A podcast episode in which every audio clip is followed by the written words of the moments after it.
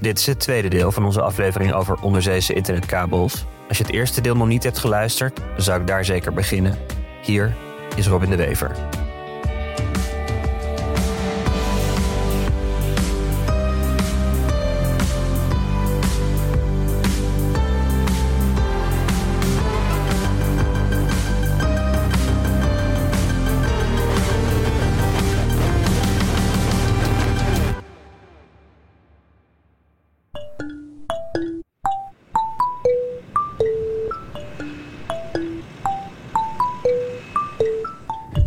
Hey, ik zie daar iets liggen. Oh, wauw, er ligt hier van alles, joh. Ja. Wacht even, we zien hier eh, wat bootjes en er ligt een, een schip met een, een soort van schoorstenen lijken het wel. Ik ben op het strand van Wijk aan Zee met Isabel. Isabel Nunes van den Hoven. Het is een beetje grauw weer en we kijken samen naar een schip dat in de verte ligt. In dat schip zitten Isabels collega's. Ze zijn er in de weer met een onderzeerobot, die niet in, maar letterlijk onder de zee bezig is. In het zand onder de Noordzee begraaft hij een kabel. De Moonfish heet hij. Dat doet hij gewoon onder water op de zeebodem. ja, dus hij begint hier op het strand en hij rijdt het water in. En terwijl hij dat doet, begraaft hij de kabels. Of één kabel per keer natuurlijk. En daarvoor komt hij nog een aantal keer terug, want het zijn vier kabels voor die twee windparken. Dus die oefening doet hij vier keer. Best vermoeiend nog, hè, dat lopen. Ja, dit is wel even. Het is ook allemaal zandophopingen hier en zo. Een enorm project. Isabel is van Tennet, de beheerder van een stroomnet. En Tennet is bezig in de verte en eind uit de kust een windmolenpark aan te leggen. De onderzeerobot brengt die kabel erheen. Hey, als dit hier nou straks klaar is hè, en, die, en die robot eh, die heeft zijn route afgelegd en de eh, kabels liggen hier netjes eh, ingegraven onder de zee. Is er dan nog iemand die dat hier in de gaten houdt, die kabels? Ja, alle, alle kabels en alle stations worden in principe gemonitord, ook vanuit Arnhem. Daar zit het hoofdbesturingscentrum van, van de hele organisatie, Maar zeg niet maar. overal, hangen niet overal camera's in de zee om die kabel in de gaten te houden, toch? Nee, dat niet inderdaad. Nee, nee. En moet ook zeggen, straks als wij hier alles hebben opgeruimd, dan zie je daar hier ook niks meer van. Maar en dan hangen hier inderdaad ook geen camera's meer. Nee, nee, dan liggen die kabels gewoon op diepte. En als het goed is, hoef je daar de komende jaren niet meer bij. En eh, doen die gewoon hun werk. Als het goed is, is dat hoe het gaat. Maar wat als er toch iets misgaat? Tennet werkt op relatief kleine afstanden. Die windmolens staan een aantal kilometer van het strand. En dus kan het de kabels ingraven. Maar dat geldt niet voor internetkabels. De kabels die Europa met Amerika verbinden, die liggen gewoon bloot op de bodem van de Noordzee en de oceaan. En dan is er nog de sabotage in Frankrijk, waar ik het de vorige aflevering over had. Acte coordonné, en pleine nuit, avec des câbles coupés de manière similaire dans trois départements différents. Het zou kunnen dat dat Russische acties waren. Het is nog steeds niet opgehelderd. Maar inmiddels is ook duidelijk dat de internetproviders daar gedoe hebben met de vakbonden. Dus het kan ook een actie van boos personeel geweest zijn. Dus nu weet ik het niet meer. Ik heb hier mijn neus in gestoken, ik ben geschrokken en ik ben weer een soort van gesust. En ja, misschien valt het allemaal wel mee. Er zou natuurlijk een goede reden kunnen zijn dat mensen die zich met die kabels bezighouden niet gealarmeerd zijn. Hallo. Goedemorgen. En dan spreek ik Rudolf. Rudolf van der Berg blijkt diepzeekabelkenner extraordinair. Hij adviseert de overheid over allerlei telecomdingen en hij is al decennia gefascineerd door de zeekabels. Ja, zeker. Goed. Goed om te spreken. Het internet is inderdaad zo groot en zo decentraal geworden dat het niet meer helemaal uitgeschakeld kan worden, zegt hij. Maar, zo zegt hij ook, in 2022 is er wel degelijk iets veranderd. En dat heeft bijna niemand door. Waar ben je bang voor dan? Mijn idee was altijd dat Rusland, of wie dan ook, niet zomaar een hele serie zeekabels stuk zou maken, omdat dat ook slecht voor hunzelf zou zijn. Maar ja, Nord Stream verdienen zij ook geld aan, aan het gas dat daar doorheen gaat, en toch maken ze hem stuk.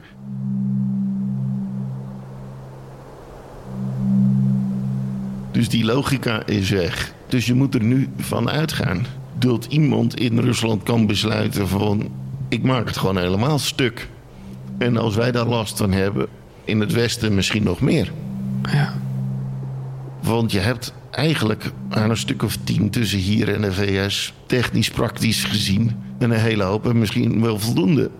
Maar nu ga je dus rekenen van ja, maar wat als iemand tien kabels stuk wil maken? Ja, dat is op zich best mogelijk. Ja? Wat, wat moeten ze doen dan? Je kunt er een anker doorheen trekken. Je kunt hem uh, door midden knippen. Zo'n kabel is niet veel dikker dan je arm. En daar zit een bak. Dan krijgt een anker wel kapot. Uh, ja, er zit wat staalkabel omheen en, en dergelijke. Maar die glasvezels die erin zitten, nou ja, dat is zo, zo dun als een haar bijna. En dat ligt gewoon op de oceaanbodem.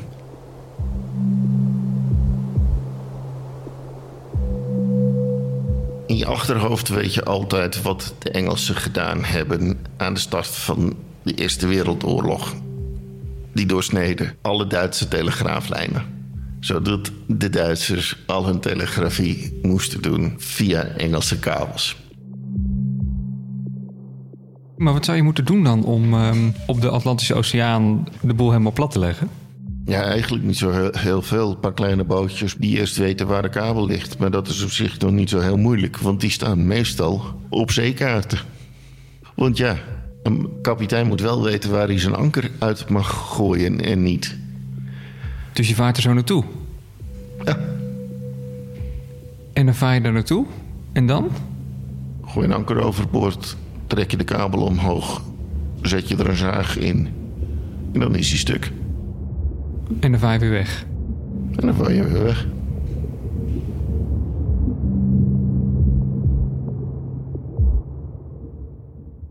De politieke calculus, zegt Rudolf, die is dus veranderd. Tot voor kort zagen we zo'n aanval op het internet als iets dat alleen zou gebeuren als de wereld toch al overhoop lag. Tijdens de Derde Wereldoorlog of zo. Maar inmiddels is Rusland, en op zich ook China en Noord-Korea, zo onberekenbaar dat je geen zinnig woord meer kan zeggen over wanneer het kan gebeuren. Er hoeft ergens maar geopolitiek iets te gebeuren, iets te escaleren, en dan kan het dus gebeuren. Ja, of niet, maar dat weet je dus niet. En je kunt het dus niet voorkomen. Wat we wel weten, als het gebeurt, is niet het hele internet naar de galamiezen, maar wel onze verbinding met Amerika.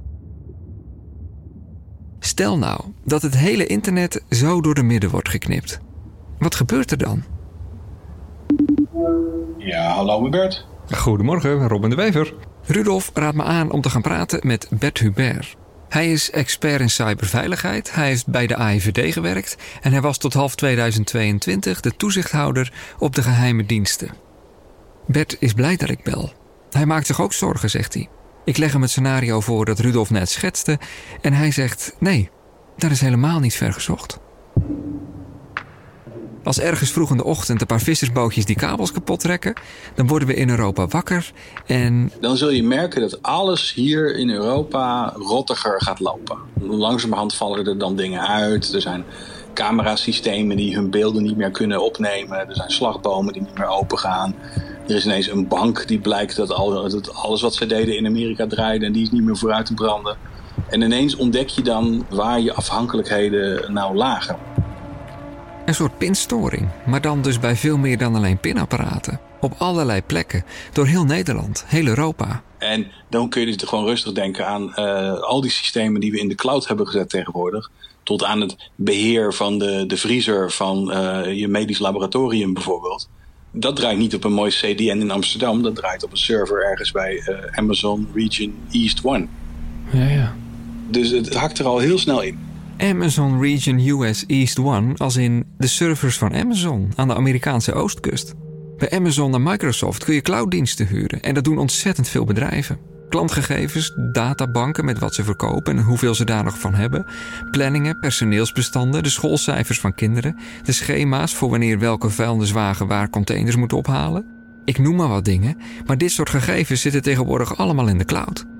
We hebben de afgelopen tien jaar veel te veel dingen in de cloud gezet, zegt Hubert. Sommige van die clouds staan in serverparken in Europa, maar een groot deel staat in Amerika. Op zo'n ochtend dat de kabels worden doorgeknipt, gaan we merken wat dat betekent. In veel gevallen staan de gegevens trouwens dubbel geparkeerd, zowel in Amsterdam als in Virginia. Dat is handig, want dan heb je dus altijd meer dan één kopie. Maar nu zijn de kabels tussen die twee dus doorgeknipt. En nu ontdekken de systeembeheerders bij allerlei bedrijven dan zijn die computers niet meer synchroon met elkaar. Dus dan is er bijvoorbeeld een transactie ingevoerd van een klant die iets heeft gekocht. En die transactie heeft het wel gehaald tot de servers in Amerika, maar niet tot de servers in uh, Europa. En vervolgens is er een andere transactie van een klant in Europa. Die is wel in Europa opgeschreven, maar niet in Amerika. En vervolgens komen die twee servers, die hebben dan later weer verbinding met elkaar. En die zeggen, ja, nou, nu, nu klopt het niet meer. Dan heb je dus computers die vroeger over alles eens waren. En nu is het zo dat als je aan de computer in Amerika vraagt van... joh, hoeveel heeft deze klant gekocht? Nou, hij heeft zeven paar schoenen gekocht. En de computer in Europa zegt hij heeft uh, zes paar schoenen gekocht. En de vraag is nou, wie van de twee heeft er gelijk? Ja. En, uh, nou ja, en dat weet op dat moment niemand meer. En, en, dus, en dan wordt het een enorme poeha om dat weer, uh, weer recht te breien. Want dan moet de systeembeheerder... Ja, moet keuzes gaan maken. En, en uiteindelijk gaat er steeds meer omvallen. Dus dan, dan zijn er mensen die dus afhankelijk bleken te zijn van servers in Amerika. En dan zul je merken dat uh, ergens, je kan misschien bij een bepaalde supermarktketen kan je niet meer pinnen. Om iets te noemen. En dan gaan ze bij die supermarktketen, moeten ze dan ontdekken van joh, verrek, uh, we hadden in onze keten tussen de kassa en de pinautomaat bleek een Amerikaanse server te zitten en dat wisten we nooit. Ja. De supermarkt is maar één voorbeeld, zegt Hubert. Alles wat we nodig hebben, zo ongeveer elk bedrijf waar we gebruik van maken, voor ons eten of onze communicatie met elkaar of verkeer of ons geld, al die bedrijven maken voor hun processen weer gebruik van andere bedrijven. En daar zitten er altijd wel een paar tussen die in Amerika zitten. Dus zo één voor één gaan er dan allemaal services die je toch echt wel nodig hebt, die, die, die stoppen ermee. Tenzij het onze computers lukt om via de andere kant van de wereld naar Amerika te reizen. Maar dat is nog niet zo makkelijk. Je kunt heel Europa door en dan Rusland door en dan China door en dan de oceaan door. En dan bij Los Angeles weer een land. Maar dan moet je van het westen van de Verenigde Staten naar de oostkust. Daar zijn de internetaders in de Midwest helemaal niet op ingericht, zegt Hubert. Zeker niet als we met alle Europeanen tegelijk komen. En dan heb je ook nog een, een raar effect. Dat is als jij bijvoorbeeld een netwerkdrive. Dus, dus je, hebt, je hebt dan misschien iets als Dropbox, waar je af en toe één bestandje uploadt en zo.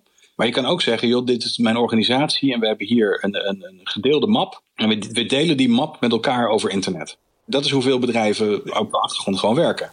En wat blijkt nou? Als de netwerkverbinding in kwaliteit daalt, dan eerst wordt het gewoon langzamer om bestanden daarop te zetten. En op een gegeven moment stopt het gewoon. Dus nog lang voordat de hele internetverbinding dood is, zeg je, joh, ik kan gewoon niet meer werken. Nou, en dan, dan, ja, dan stort één voor één stort alles in. Dus e-mailen kan niet meer? Nee, dat wordt al heel snel uh, heel lastig, ja. ja. Dus dan val je terug op WhatsApp? Nou ja, die doet het ook niet natuurlijk. Wat begonnen is met een paar doorgeknipte kabels, wordt dan een opstapeling van storingen en systemen die het deels niet meer doen en dan half niet meer doen en dan helemaal niet meer doen. Winkels, transportbedrijven die ons eten brengen, banken, politiebureaus, ziekenhuizen.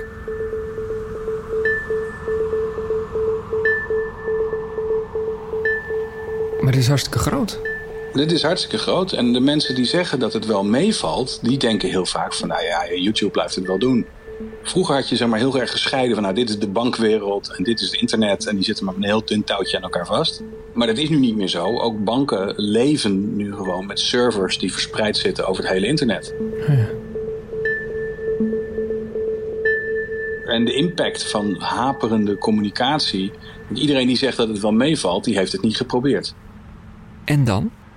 Denk even mee. Dit is wat ik er inmiddels van weet.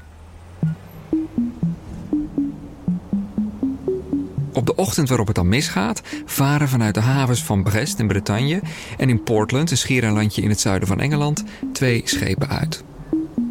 Het groepje mensen aan boord heeft de taak om alles dat inmiddels in Europa en in Amerika in de prak is gedraaid, weer aan de praat te krijgen. Ze varen uit, zo snel als een schip kan varen, dagenlang, mijlen en mijlen de zee op, op zoek naar de plek waar een kabel is gesaboteerd. Die plek kunnen ze waarschijnlijk met apparatuur redelijk snel scherp krijgen en ze speuren de zeebodem af naar een gebroken kabel. Als ze hem gevonden hebben, laten ze, terwijl de wereld zit te wachten, een robot zakken die de kabel vastgrijpt en naar boven trekt aan boord. En dan mogen een paar experts de losse stukken weer aan elkaar zetten. En dat dan meerdere keren, voor elke kabel die kapot is op verschillende plekken in de oceaan.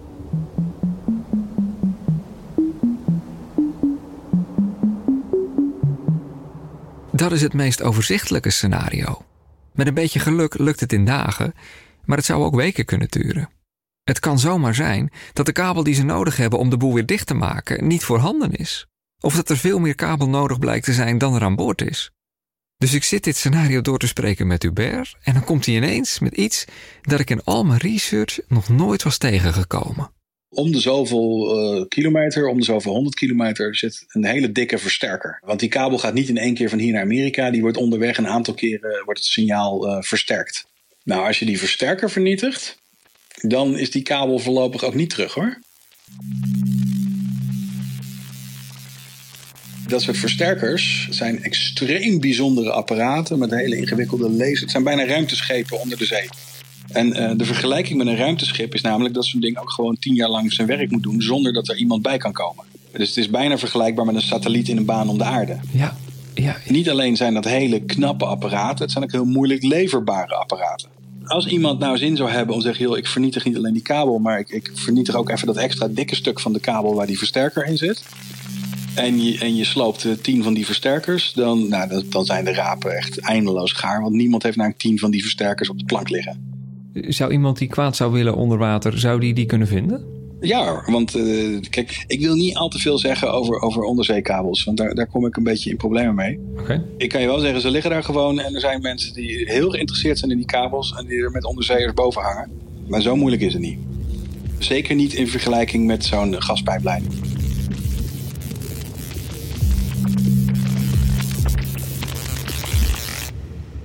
Stel je voor dat je nu iemand zou ontdooien die was ingevroren tijdens de Tweede Wereldoorlog.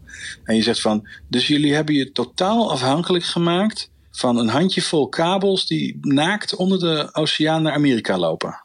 Ja, ja, ja, ja. En jullie bewaken die kabels niet de hele dag. Nee, nee, nee, die, nee, die liggen daar gewoon. En zij zeggen, joh, zijn jullie gestoord geworden? Ja, ja. Misschien gaat dit allemaal nooit gebeuren.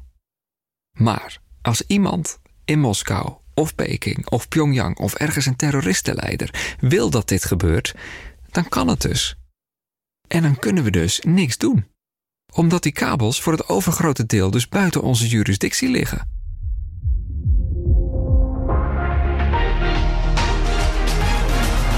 En dan is er nog dit. Russia uh, will unplug itself briefly from the global internet somewhere before the 1st of April. This test is intended to show what technical measures are to be taken in order to isolate the Russian internet to create the so called RUNET. Russia can completely isolate its internet from the world. It runs entirely inside Russia and it can work even if disconnected from the rest of the world. We weten niet of het er iets mee te maken heeft, maar Rusland werkt al een aantal jaren aan RUNET.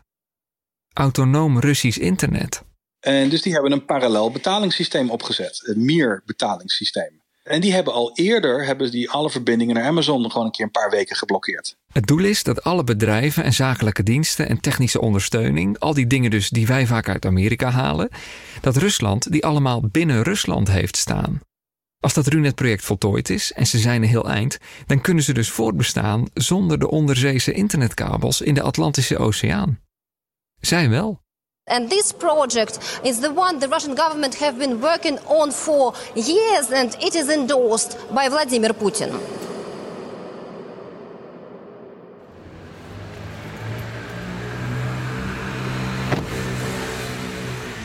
Ik heb nog iets niet verteld. Ik heb nog iemand gesproken. Hij wil niet dat ik zijn naam noem, maar hij gaf me een tip. Ga eens kijken in Zandvoort. Niet in Castricum, in Zandvoort. We hebben geen grip op wat er midden op zee gebeurt, maar wel op wat er in Zandvoort gebeurt. Hier blijkt de plek te zijn waar het internet aan land komt. Een van de vijf plekken trouwens, want er blijken vijf huisjes te zijn, verspreid over de kust. Hij gaf me een locatie met de vraag om die niet bekend te maken. In de kabelwereld weten heel veel mensen om welke plek het gaat, zei hij.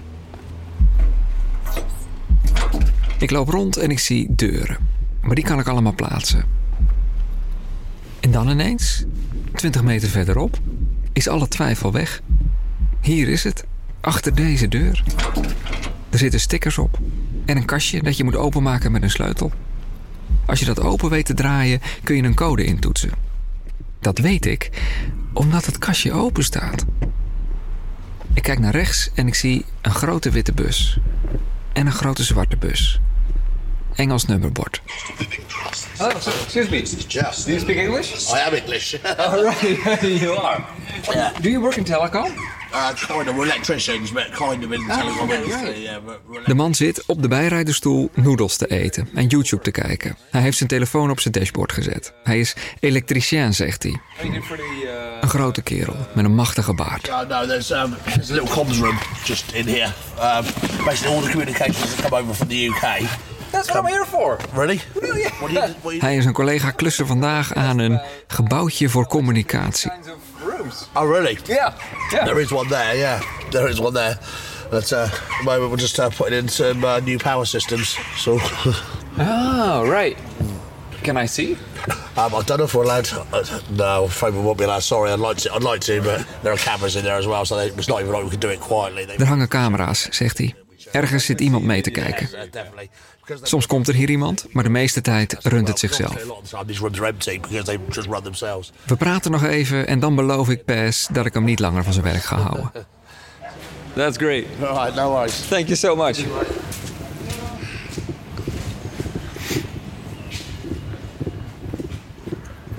Het luikje met de code staat nog steeds open. Sir. Have you seen that the little lock over there is open? Oh yeah, no, we know that's open. Oh, you know that. So, Okay. Yeah, yeah. Yeah, just so you know. Yeah, no worries. All right.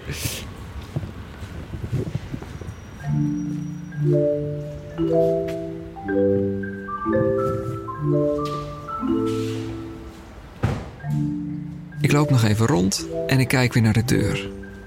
De kwetsbaarste plek van het Nederlandse internet heeft voor zover ik kan zien één camera. En een mooie oude deur. En een paar ramen.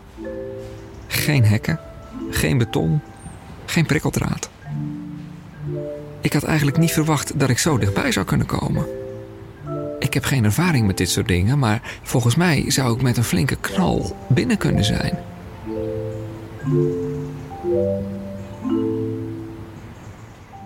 Ik maak nog een foto om het huisje aan mijn vrouw te kunnen laten zien en de collega van PS roept iets van een afstandje.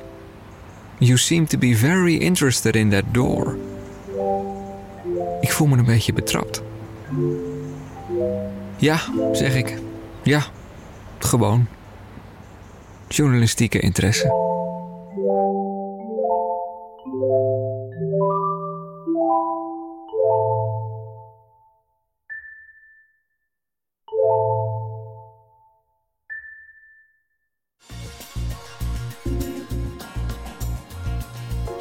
Dit was een goed verhaal van Robin de Wever. Je kunt luisteren naar eerder werk van Robin. Bijvoorbeeld een podcastserie waarin hij afreist naar de Amerikaanse Bible Belt... om de fans van Donald Trump te ontmoeten. God's President heet die podcast. En dit voorjaar komt er werk van Robin uit bij Radio 1. Een serie over juppen. Je kunt het allemaal volgen op robindewever.nl. De muziek in deze aflevering kwam van Breakmaster Cylinder. De techniek werd gedaan door Hans Zimmerman. De eindmixage was van Jeroen Sturing. En de eindredactie van Charit Alles. Tot volgende week.